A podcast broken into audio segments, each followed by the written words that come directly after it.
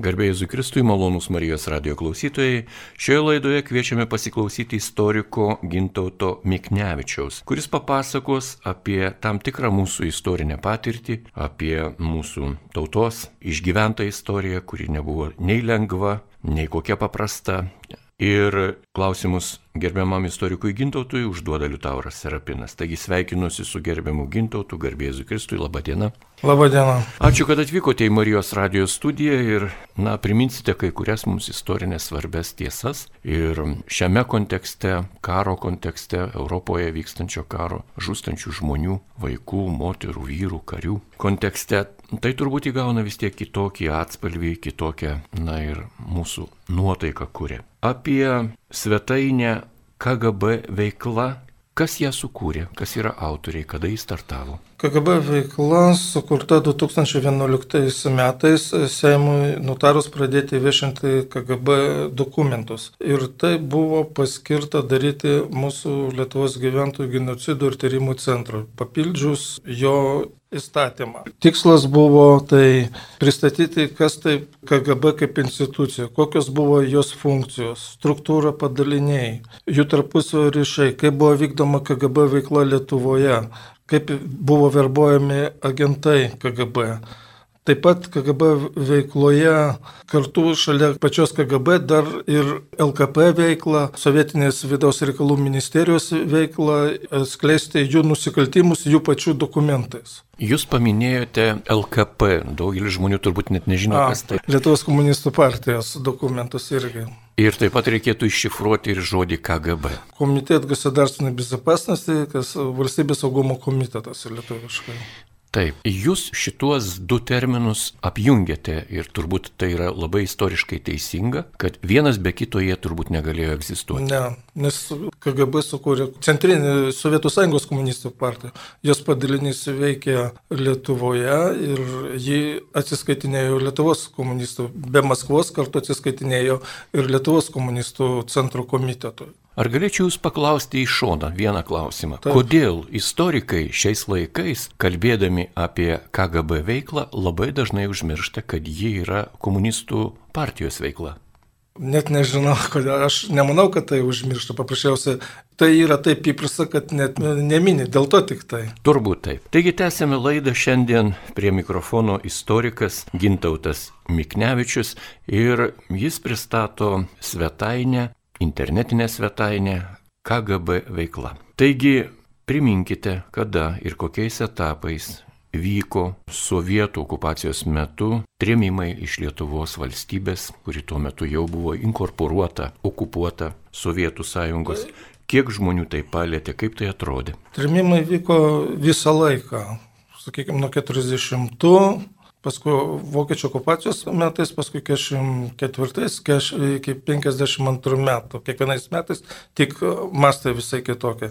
Lietuvos teritorijai, kur buvo pirmi trėmimai, sakykime, tai, tai buvo 39 metais sovietams okupavus Vilnius ir Vilnius kraštą. Tada pirmiausia eilė buvo stengtasi inteligencija, ypač rusų, kuriuos jie laikė baltagvardiečiais, pabėgusiais iš Sovietų sąjungos, tai jūsų mimais. O pirmas toks stambus buvo 40 40 metais kovos balandis per Velykus tų metų 40, tada iš druskininkų iš kitų vietų, kurios priklausė tuo metu Sovietų sąjungai, Baltarusijos sovietiniai, masinis trėmimas. Ar palėtė tuo metu vien tik rusų? Ne, tai sakau, kur 40-ais, tai Lenkijos piliečius, tame tarpe ir kurie buvo Lenkijos piliečiai, tame tarpe ir lietuvius. Ten iš druskininkų daug, nes čia yra duomenų Lietuvos žvalgyba apie tai pranešinėjų, buvo perbėgėlių, kurie praneša apie masinius trėmimus. Ar palėtė žydų tautybės žmonės? Ir žydų taip, ypač, sakykime taip, ir žydų inteligencija, religijos, ten tarnus kulto atstovus.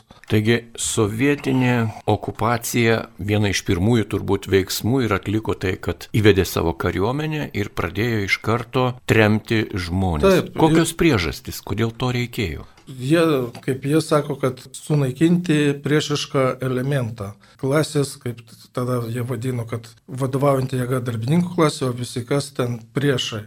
Ir laikė priešiškus elementus, tai inteligentijas, ypač ten mokytojus, švietimo partijos, sąjungos visokius veikėjus visus ten. Ir jos pirmiausiai. Jau pats pirmas masinis jau, kur palėtė paprastus žmonės, ūkininkus, tai buvo 40 birželio 14 dieną. Tuo metu turime duomenimis pagal sąrašus, kurie yra išlikę, kad buvo ištrem 17 485 žmonės.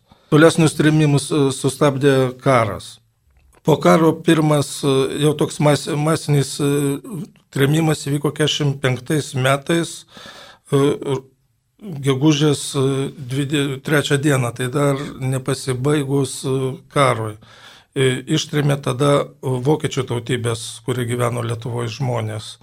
O pats didžiausias trėmimas, taip 49 metais, kovo 25-28 operacija Vesna 48 metais, gegužės 27 dieną buvo ištremta 40 tūkstančių du žmonės, o jau priboj buvo ištremta 29 180.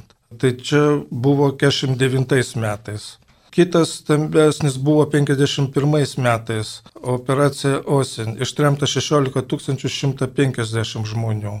Paskutinis trimimas įvyko 52 rūpiučio 5-6 ištremta 359 žmonės. Iš viso 40-52 metais buvo ištremta 131 340 tūkstančių. Prie to dar per tą patį laikotarpį nuo 40 iki 52 dar buvo suimta ir įkalinta papildomai dar 150 tūkstančių žmonių. Tai iš viso kažkur apie, buvo represuota apie 300 tūkstančių žmonių. Tai gana dideli skaičiai. Nu, Tokiai valstybei kaip Lietuva. Tai skaitykim, yra... kad tuo, tuo metu buvo kažkur 2 milijonai lyga, tai jau čia virš 10 procentų grinai gyventojų buvo. Turbūt gerbiamas gintautai, reikėtų turbūt vertinti ne vien tik kiekybę, bet ir kokybę. Tai buvo ištermtas elitas, tai buvo vadovai, tai buvo tie, kurie na, buvo aktyvūs valstybės kuriejai savo personalių gyvenimų, turbūt taip. Taip, net, sakykime, kur žmonės, tai buvo ūkininkai, kurie pasirinkti pasiriškia gerai savo dar žemės ūkė, ten darbuose viską ir jos pirmiausia irgi trėmė. Ar yra atskleistos istorikų priežastys, kodėl reikėjo tremti valstiečių klasės žmonės, kurie pagal bolševikinę tą ideologiją atitiko tą vadinamą darbo žmogaus, tą tam tikrą tą hegemono, proletaro, tam tikrą poziciją iš dalies atitiko? Visų pirma, valstiečių terminas primestas tai yra sovietų valdžios. Lietuvoje jos vadino žemdirbiais, ūkininkais. Valstiečių net 40 metais, kai jie įvedė tą valstiečių, buvo toks e, sutrikimas, jie pradėjo klausinti, o kas tai yra valstiečiai. Žmonės paprastai nesuprato. O pas juos buvo kate, kategorija suskirstyta, gradacija, galima sakyti, valstiečių. Buvo nepasiturintis, vidutiniokai ir stambėjai buožės, taip vadinami. Tai, va, tai štai jie tas e, buožės, taip vadinimus, stambus Lietuvos ūkininkus laikė, e, kad tai yra priešai visai e, paprastai valstiečių žmonėms ir, ir Sovietų sąjungai tada. Nes jie buvo, kaip sakė savininkai, pas juos nėra kolektyviškumo, dėl to juos reikia ir naikinti. Kokią rolę tų ūkininkų, kurie buvo na pagrindas tuo metinės Lietuvos ekonomikos arba žmonių maitinimo arba tiesiog to vadinamo šeimininio bendruomeninio gyvenimo principas, kokią rolę vaidino vietinė bolševikų partija Lietuvoje, vadovaujama Antanos Niečkaus? Tai vietiniai valdžios organai sudarinėjo sąrašus, kurie žymėdavo ūkius, kurie yra buožiniai, vidutiniokai ir taip toliau. Ir pagal tos sąrašus sudarinėjo sąrašus, kurie turi būti ištrimti. Tai be tų vadinamųjų kolaborantų tokie trėmimai turbūt būtų neįmanomi net ir atlikti, taip? Ne, būtų vis tiek saugumo organai pagal savo agentūrą, kur skundikai, buvo, kurie įduodavo. Be to dar nuo 46 metų pradėta atremti ir partizanų remėjus šeimas. Partizanų, partizanų remėjų šeimas. Ir ten buvo ir jau taip sakom, bežemiai, kur vadinami valstiečiai jau atrodo artimiai klasiai Sovietų sąjungos klasiniai samparata. Tam, kad galėtų palaužti partizaninį judėjimą Lietuvoje.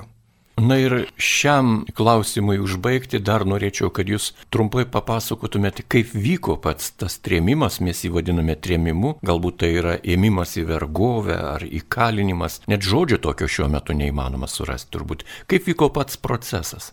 Atvykdavo, duodavo ten, man atrodo, valandą laiko susiruošti tai leisdavo kažkiek tai daiktų pasimti su savim, susodindavo, nuvažiuodavo į geležinkelių stotį, kur vis, iš visų ten apskričių eidavo, sudarydavo ešalonus ir paskui veždavo į tos tolimosius Sovietų sąjungos kampelius. Tolimieji rytai, šiaurė, Kazakstanas.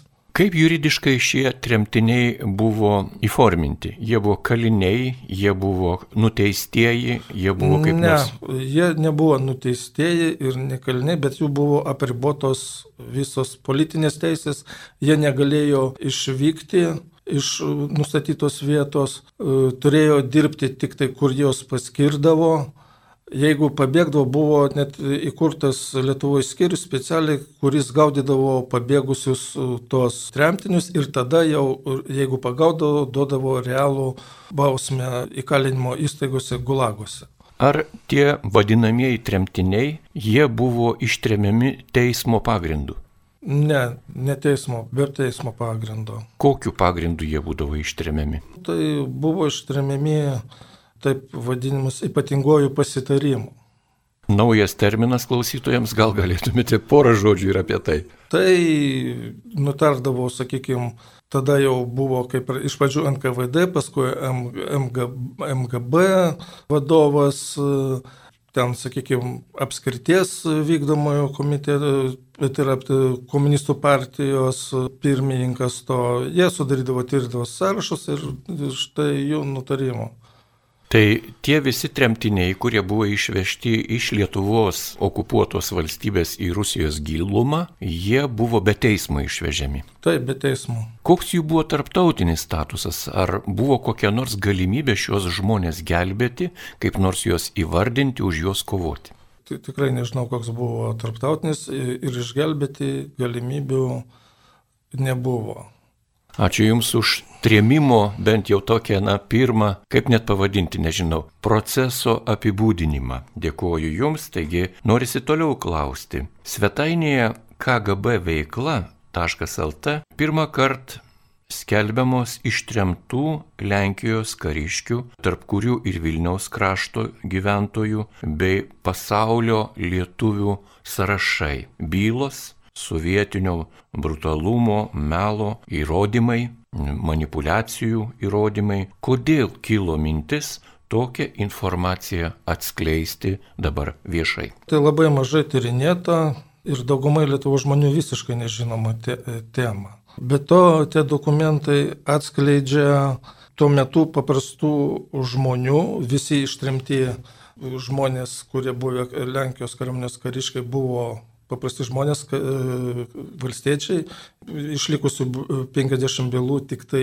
vienas buvo jaunesnysis karininkas, visi kiti paprasti kareiviai, ten puskarininkai ir visi daug, didžioji dauguma paprastų valstiečių. Ir štai ten atsiskleidžia jų požiūris į gyvenimą, nes jie prieš tai gyveno Anglijoje, ten dirbo ir kai, ir kai grįžo į Svietų sąjungą, jie galėjo palyginti, ką matė tam, tam kaip sovietai sakė, prakeiktas kapitalistinis pasaulis, kur engia darbo žmonės ir kas matosi čia. Ir jie tą, tą žinią skleidė, kad ten, kad čia yra visiškas melas, ką kalba sovietų propaganda.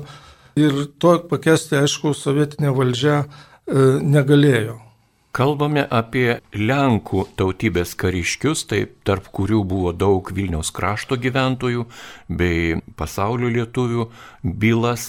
Kaip jas galime susipažinti jūsų svetainėje, kas tai yra nuotraukos, dokumentai, laiškai, kokie kiti istoriniai artefaktai? turiu pataisyti, tai ne Lenkijos tautybės kariškių, o tai Lenkijos piliečių, buvusios Lenkijos Respublikos piliečių. Tarp jų buvo, aišku, didžioji dauguma Lenkų, bet taip pat ir visi gyventojai, kurie gyveno Lenkijos Respublikoje, tai yra lietuviai, ukrainiečiai, baltarusiai, rusai, totoriai, vi, visi tie. Susipažintai ten e, e, laiškai, visų pirma, tai jų pažymos apie kiekvieną asmenį. Tai anketiniai duomenys - vardas, pavardė, jeigu vedęs šeimos sudėtis, kur tarnavo prieš karą, karo metu, po karo, ką grįžo, ką veikė. Tai paskui jų sovietinis e, saugumo agentų informatorių pranešimai apie pokalbius, ką tarpusavį išneka tie buvę Lenkijos kariškiai, kokios jų pažiūros, ką jie kalba apie Sovietų sąjungą. Čia galbūt pati įdomiausia ta, ta dalis.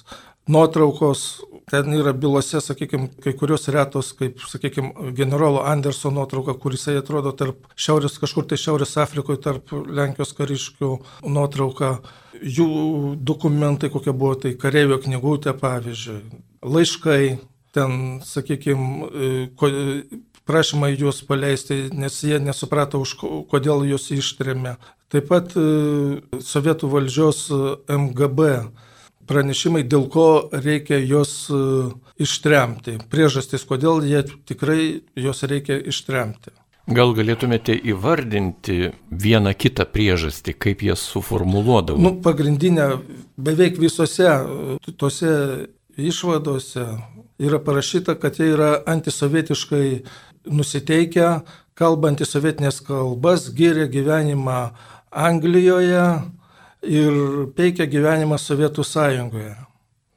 Šioje vietoje norėčiau vėlgi atkreipti dėmesį ir šio bei to paklausti. Tuo metu po antro pasaulinio karo, taip vadinkime, to, kuris baigėsi 45 metais, sovietams anglai buvo sąjungininkai, taip pat kaip ir amerikiečiai. Iš kur pas sovietų, sakykime, ideologus ir e, taip vadinamuosius baudžiamuosius organus yra toks priešiškas nusistatymas prieš savo sąjungininkus ir tai buvo naudojama tiesiog bendrai žmonių trėmimui, naikinimui, žudimui. Tai dėl, dėl to, kad jie niekad nelaikė jos sąjungos, tik tai kaip laikinus pagalbininkus kovoja prieš nacizmą, o šiaip jie visą laiką jos laikė priešais. Ten yra vienas įdomus e, dokumentas, tai vieno buvusio Lenkijos piliečio, kuris tarnavo 40 metais Švenčionio apskrityje NKVD skyriuje, pasitraukė į Sovietų sąjungos gilumą, kartu išveždamas e, Lietuvos aukščiausios tarybos kažkokį deputatą su šeima. Ir jam, kai pradėjo kurti tą Anderso kariuomenę, jam NKVD davė užduotį, kad jisai pradėtų vykdyti žvalgybinę ir ardomą veiklą prieš Anderso kariuomenę, kad jisai ją stotų.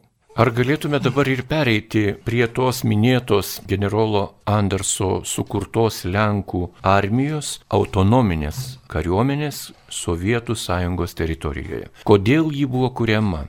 Koks buvo jos tikslas? Kas buvo jos autoriai? Prasidėjus karui tarp Vokietijos ir Sovietų sąjungos 41 birželio 22. Sovietų sąjungoje reikėjo daug žmonių, nes kariuomenė buvo ten pasnio kautinėse buvo sutriuškinta ir ėmėsi kiekvieno šiaudo. Ir tada jie prisiminė didelį kiekį Lenkijos belaisvių. Čia matyti neapsėti ir be Didžiosios Britanijos valdžios tarpininkavimo, kad būtų leista juos apginkluoti ir sukurti. Tai tuo metu Lenkijos trimties vyriausybė, kuris vadovas buvo generolas Vladislavas Sikorskis, pradėta formuoti Lenkijos Respublikos kariuomenę. Kariuomenės vadu buvo paskirtas e, generolas Vladislavas e, Andersas, kuris tuo metu kalėjo Lenkijoje. Jisai 39 metais bandant prasiveršti į Rumuniją buvo sunkiai sužeistas ir gydėsi. Tai, tai galbūt jį ir išgelbėjo nuo likimo Katinė, kai jisai tuo metu buvo ligoninė, kai jo kolegos karininkus sušaudė. Ir jis po gydimo iki išlaisvimo jis buvo laikovas NKVD vidaus kalėjime Liubenkoje. Nu, pra, praktiškai nuo to generolo pavardės ir kilo tas armijos pavadinimas. Nors ten oficialiai tai antras Lenkijos Respublikos antras, korpu, antras korpusas vadinosi. Sikorskis tiesa 45 vasario mėnesį tapo, ne Sikorskis, o Andersas tapo visos Lenkijos, visų Lenkijos ginkluotojų pajėgų vadas tuo metu. O tuo metu tai buvo 120 žmonių, jie turėjo savo aviaciją, laivyną, nors labai nedidelį, bet vis tiek turėjo karinį laivyną. O Sovietų sąjungoje pavyko mobilizuoti 75, kažkur 75 tūkstančius. Buvusių didžioji dauguma tai buvusiai karo belaisviai Lenkijos. Bet e, taip pat buvo ir paimami ištremti Lenkijos piliečiai, sėdėjo kalėjime už, sakykime, politinės pažiūros savo, nubausti pagal tą politinį 58 straipsnį. Taip galiu paminėti vieną tokį lietuvį. Leonas Lapinas iš Švenčionių apskrities, kuris 29-36 metais buvo švenčionių, ten vieno padalinio Švento Kazimiro draugijos pirmininkas. Nu, tai žinote, tai yra švietėjiška religinė kultūrinė organizacija, kuri dėl lietuvybės Lenkijos krašte. 39-ais jau gražinus Vilniaus kraštą Lietuvai, jisai Vilniui įstojo į draugiją kultūrą, kur aršiai pasisakė už tai, kad Sovietų sąjunga privalo gražinti pagal 20 metų Maskvos sutartį visas Lietuvos žemės. Už tai 40 metais jisai buvo nuteistas ir jį nuteisė už bandymą nuo Sovietų sąjungos atplėšti jos Sovietų sąjungos teritorijas. Gavo 10 metų. Bet štai vat 41 metais Liepos mėnesį jis amnestuojamas ir iš karto mobilizuojamas į Lenkijos kariuomenę. Ir tokių ten taip pat buvo, sakykime, ir kontrabandistų buvo. Vienas buvo toks Lenkų kontrabandistas, kuris 19, sakykime, kovojo prieš Lietuvą, paskui po karo su Lenkija grįžo, kurį laiką gyveno Lietuvoje, vertėsi kontrabandą Ir liktai e, Lietuvos žvalgyba įtarė, kad jis kartu ir teikia žvalgybinę informaciją Lenkijai. Norėjo įsimti, bet jisai pabėgo į Lenkiją. Čia Sovietų sąjungoje jis irgi už panašią veiklą buvo nubaustas už kontrabandą ir toliau tarp Vokietijos ir Sovietų sąjungos veikė.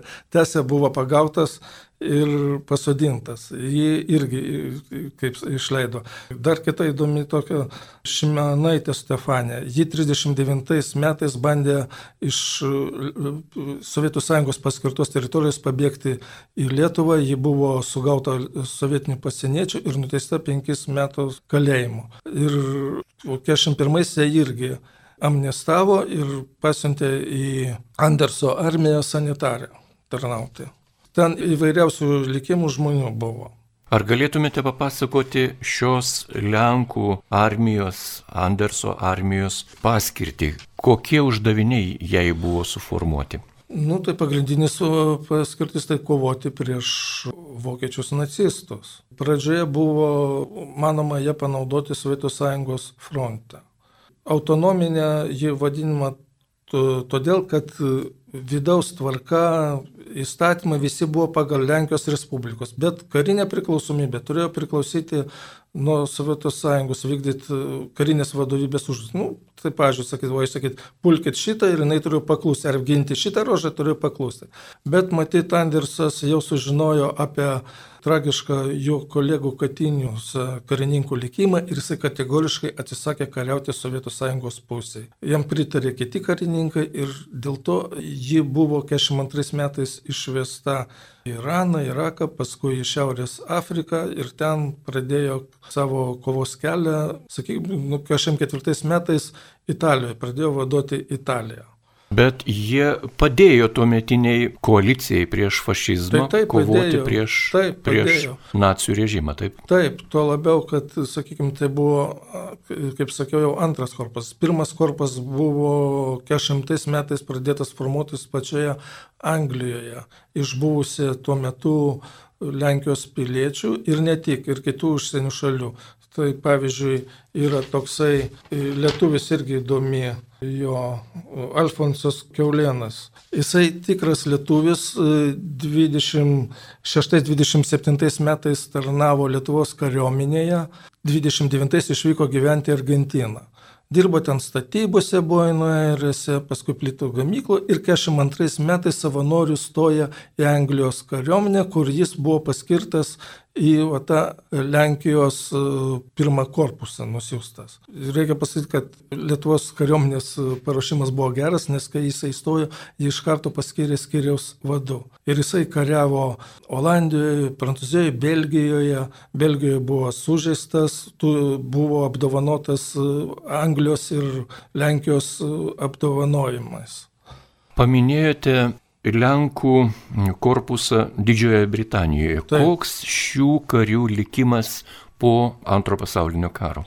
Žiūrint, turit kurie prasme, ar tie, kurie liko Anglijoje, ar tie, kurie į Sovietų sąjungą išvyko. Kurie Anglijoje, tai jie išvažinėjo po visas Anglijos sandraugus, ten Kanadą, Australiją, kiti į Junktinės, dar kiti į Argentiną. Nu, jiems gyvenimas tikrai susiklosti gerai, o štai kurie grįžo į Lietuvą, Tai ten jau liūdnai buvo.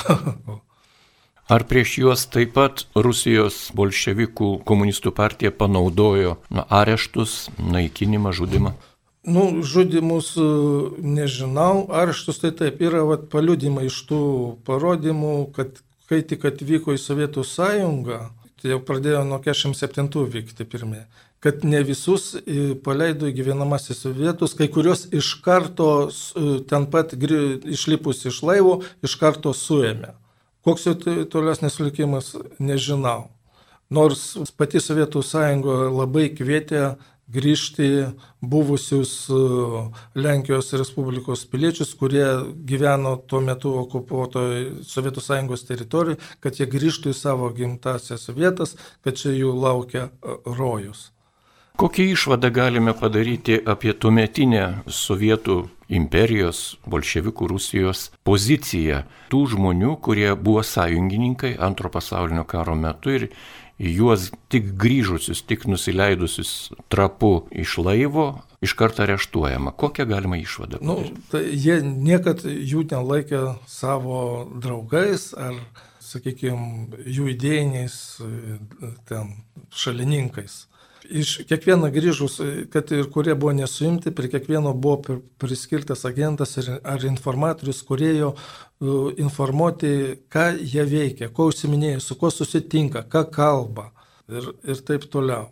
Jų, sakykime, nepaliko ramybės, slaptai visą, visą laiką sekė. Koks šių žmonių likimas nes vis tik istorija tam tikrą prasme keitė ir sovietų imperijos tam tikrą veiksmų planą ir vėliau šitie žmonės gal jie buvo kaip nors išleisti iš įkalinimo vietų, trėmimo vietų, gal buvo kaip nors amnestuoti, nors jie turbūt buvo neteisiami, buvo neteisti ištremti, tai kaip galima amnestuoti neteistą žmogų, čia tokie normalūs klausimai, bet tuo metu tai buvo visiškai normali praktika, be teismo tremti, suimti, laikyti ir taip taip toliau. Ar daug išliko gyvų tuometinių? Nu, tai didžioji dauguma tai tikrai išliko gyvi, bet turiu pasakyti, kad visus jos, nežiūrint jų, sakykime, nuopelnų ir tuo metu Sovietų sąjungoje, jie visi iš eilės buvo ištremti. Visi. Net buvo, sakykime, rajono lygio deputatai liaudės ten išrinkti į ten tas deputatų, tai darbo žmonių deputatų tarybos, net ir tas žmogus buvo iš, ištremtas. Ištremtas žmogus, kuris per radiją kvietė savo tautiečius grįžti atgal į Lietuvą. Per straipsnius tuo metu tiesos straipsnį rašė pagirimą žodį Sovietų sąjungai, peikia Angliją, tas irgi, irgi buvo ištremtas. Ištremtas tas, kuris žmogus paskirtas kolūkio pirmininkas. Tai yra žmonės, kurie net Sovietų sąjungo laikė savo idėjiniais artimais, šalininkais ir tos visus trėmė. Turbūt galima daryti išvadą, jog buvo reikalinga tam tikra masė žmonių, kurie būtų kaip vergai, kurie galėtų atlikti darbus be užmokesčio, be socialinių garantijų, be, be sakykime, visiškai kitokie žmonės. Kokią jūs darote išvadą? Kodėl Na, buvo taip tremiama, kodėl buvo netgi jų parankiniai, jiems asistuojantis vietiniai gyventojai buvo tremiami? Nu, ne, užmokesčius jiems buvo mokamas, bet, nu, aišku, tai jokingai buvo užmokesčiai palyginus.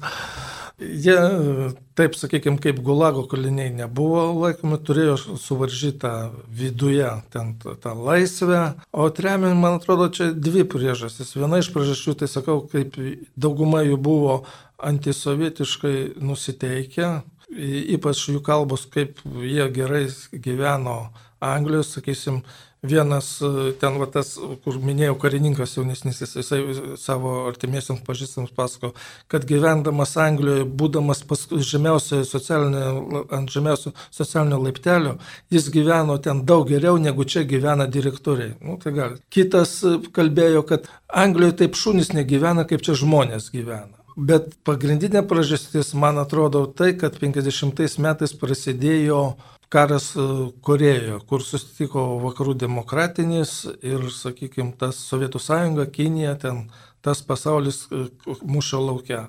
Ir štai čia jie bijojo, kad gali būti iš jų koks nors kontrrevoliucinis maištas, sukilimas, tuo labiau, kad dalis tų buvusių Lenkijos kariškių, prasidėjus kaip karui tarp, e, sakykime, vakarų ir rytų, pasakė, jeigu Anglija užpultų Sovietų sąjungą, prasidėtų karas tarp Sovietų sąjungos Anglijos, jie stotų nedėlstant į Anglijos pusę.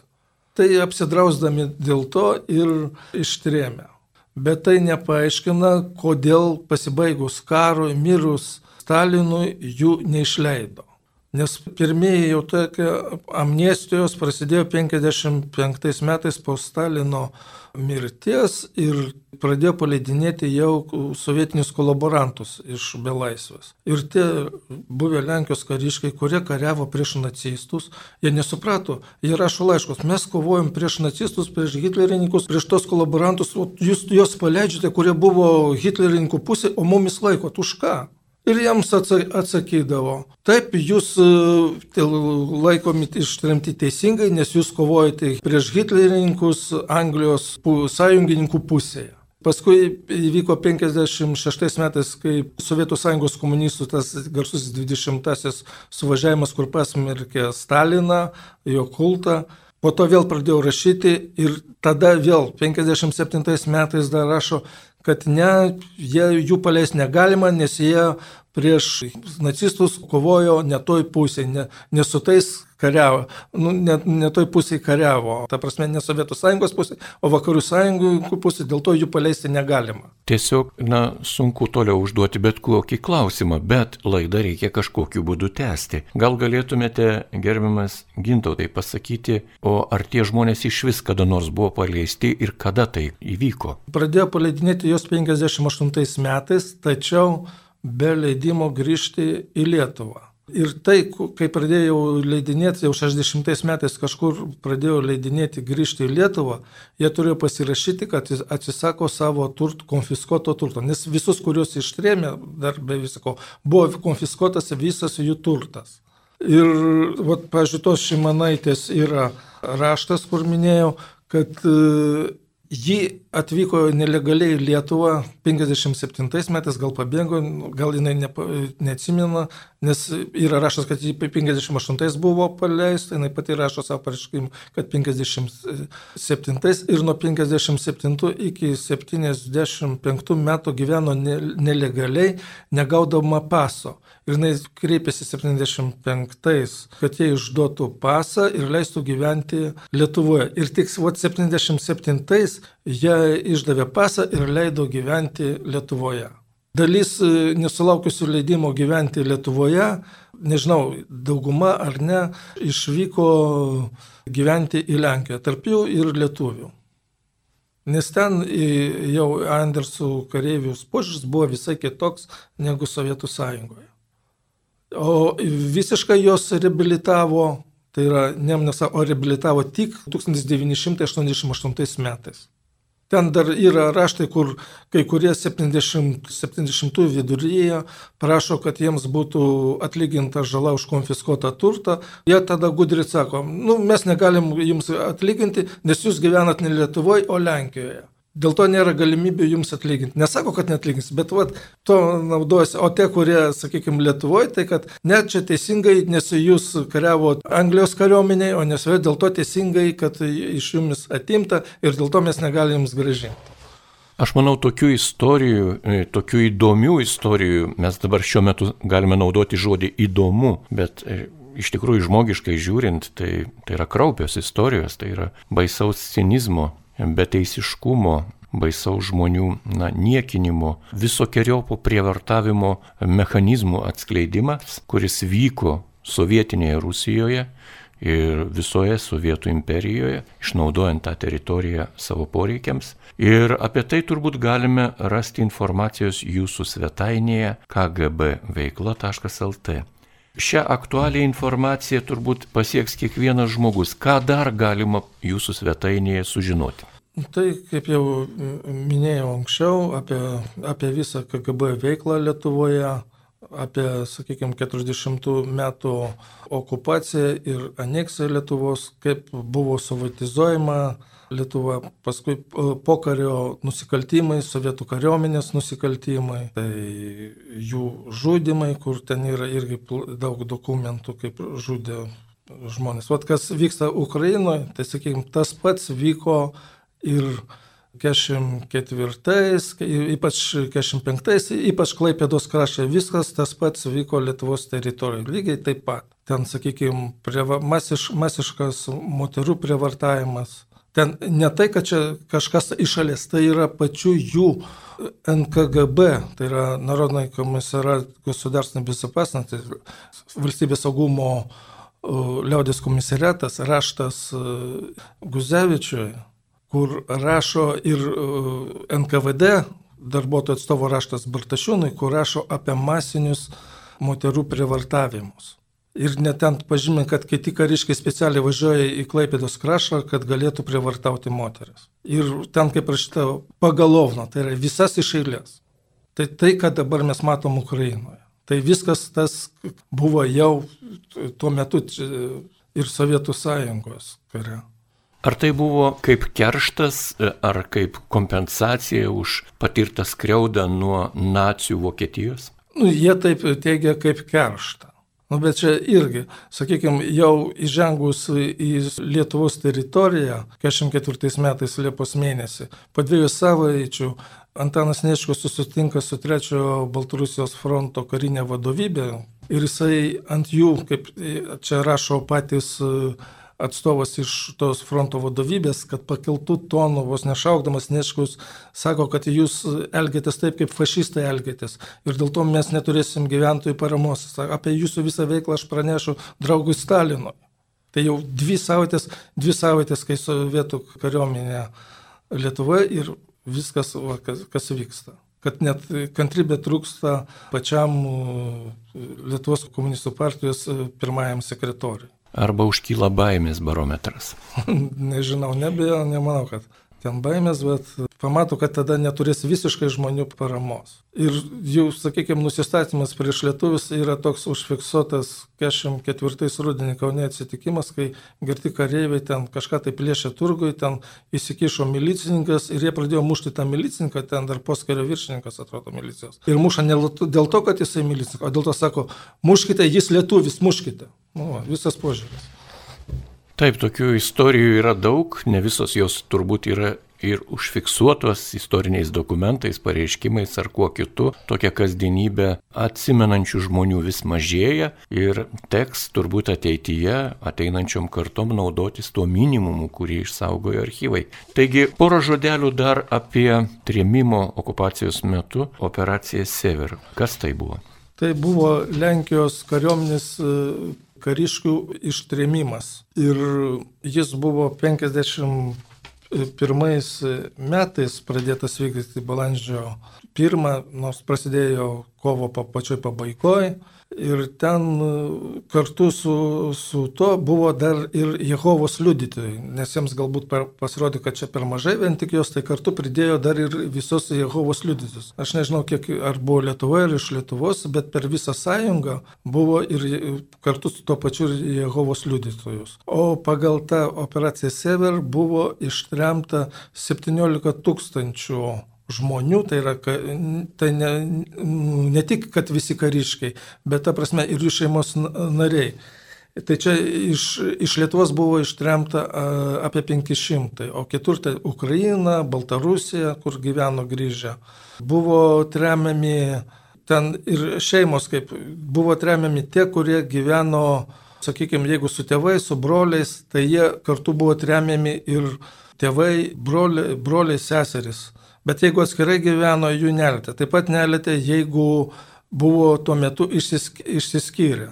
Ar kuris iš jų tarnavo, sakykime, ar buvo tarnavęs sovietų kariuomenė. Tada ištremdavo tik tai tą vieną asmenį. Lietuvoje yra išlikusios 50 bylų O iš tų išlikusių bylų, kad buvo ištremta 178, atrodo, berots žmonės. Tai čia tik tiek, kiek yra išlikusi, bet jų buvo, atsakau, iš viso apie 500, tai daugiau. Ir iš Lietuvos ištremta tai buvo pagal kariškius, tai 24 atrodo Lenkai, 17 lietuviai, 5 rusai, 2 totoriai, 1 baltarusis tokios, čia kariškų, bet, reikia pridėti ir jų šeimos narus. Čia iš tų, kas išliko bylų. Girdėjote laidą, kurioje Liutauras Serapinas kalbino Lietuvos gyventojų genocido ir rezistencijos tyrimo centro istoriką Gintautą Miknevičio.